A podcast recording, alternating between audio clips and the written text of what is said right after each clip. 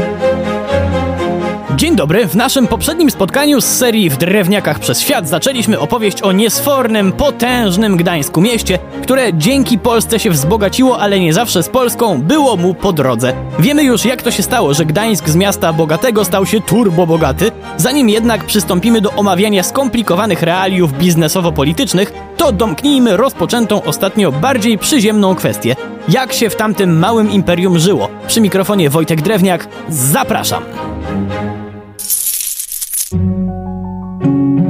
Ameryki nie odkryje stwierdzając, że najlepiej żyło się tym, którzy mieli pieniądze. Każdy gdańszczanin, który dorobił się pokaźnych pieniędzy na zarządzaniu miastem albo na handlu zbożem, a najczęściej na jednym i drugim, musiał mieć własną kamienicę. O ile oczywiście standard wykończenia był różny w zależności od grubości portfela, tak było kilka cech wspólnych. I nie chodzi tylko o okazałą sień, ale również o przestrzeń magazynową. Dziś takie określenie kojarzy się nam ze skromną piwnicą w bloku, jednak gdańscy biznesmeni w piwnicach albo w specjalnych przestrzeniach na wyższych piętrach trzymali to, czym handlowali. Naturalnie nie było to logistycznie idealne rozwiązanie, dlatego wielu bogaczy z radością te magazyny przeniosło. Stworzono tak zwane wyspy spichrzów. Co wtedy robiono z tymi pustymi przestrzeniami? Ci bardziej gospodarni albo jak kto woli potrzebujący pieniędzy trochę bardziej, podnajmowali je, a ci, którzy mogli żyć bez pieniędzy za najem, upychali tam rodzinę, dzieci najczęściej. Czy to były najgorsze miejsca do mieszkania w takiej kamienicy bogacza? No nie do końca, bo były jeszcze pomieszczenia dla służby.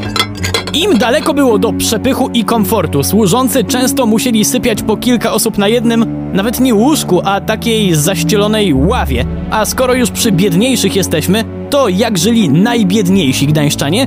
Powiedziałbym, że ledwo. Zazwyczaj tacy ludzie wynajmowali jakieś wilgotne kąty w piwnicach albo na poddaszu, gdzie o ogrzewaniu można było pomarzyć. Skąd taka dysproporcja? Z ogromnej chciwości elit, które lubiły wyzysk, o czym za moment, i ładne ciuchy i imprezy, o czym już teraz. Ładne przejście, prawda?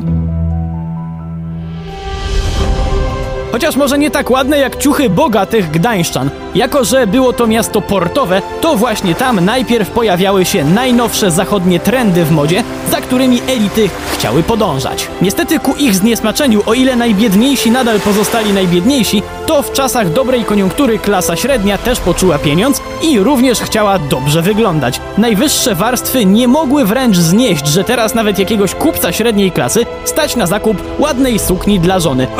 To też postanowiono wprowadzić ograniczenia. Jedwab, wełna, futra i ozdoby z drogich kamieni miały być dozwolone tylko dla wybranych, najbogatszych rodów. Brzmi okropnie? Owszem, ale to nie koniec, bo był też plan zarezerwowania konkretnych kolorów wyłącznie dla elit. Na szczęście nie udało się tego wszystkiego wprowadzić, co nie znaczy, że bogacze nie narzekali pod nosem, jak widzieli biedniejszych kolegów w ciuchach z tej samej kolekcji na imprezie w dworze Artusa. Gdzie?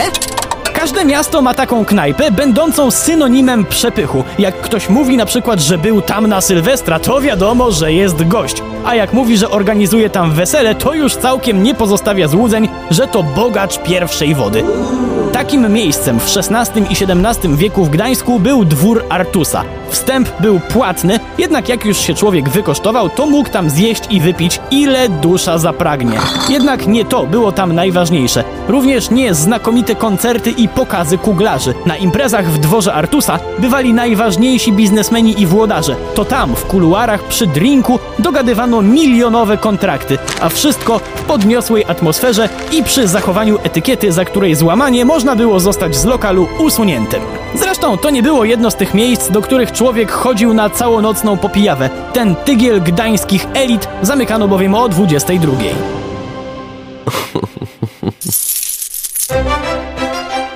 Chyba, że ktoś był super nadziany, to wtedy po uiszczeniu niemałej opłaty mógł wynająć lokal na całą noc. Wśród ludzi, których z całą pewnością było na to stać, był Eberhard Ferber. Kto taki? Burmistrz Gdańska, wielki fan przykręcania podatkowej śruby klasie średniej, co z jednej strony sprawiało, że elity rosły w siłę jeszcze bardziej, ale z drugiej strony... No cóż, nie mogło to wszystko trwać wiecznie. W końcu ta czara goryczy musiała się przelać. Lata mijały, a bunt coraz bardziej wisiał na włosku. Czy to jednak oznaczało koniec złotych czasów dla gdańskich bogaczy? Absolutnie nie. Jednak o powiązaniach miejskiego patrycjatu z władzą opowiem już następnym razem. W sumie zabrzmiało jak zapowiedź jakiejś historii o mafii i w zasadzie nie mija się to z prawdą, ale okej, bo za dużo zdradzę. Przy mikrofonie był Wojtek Drewniak. Do usłyszenia.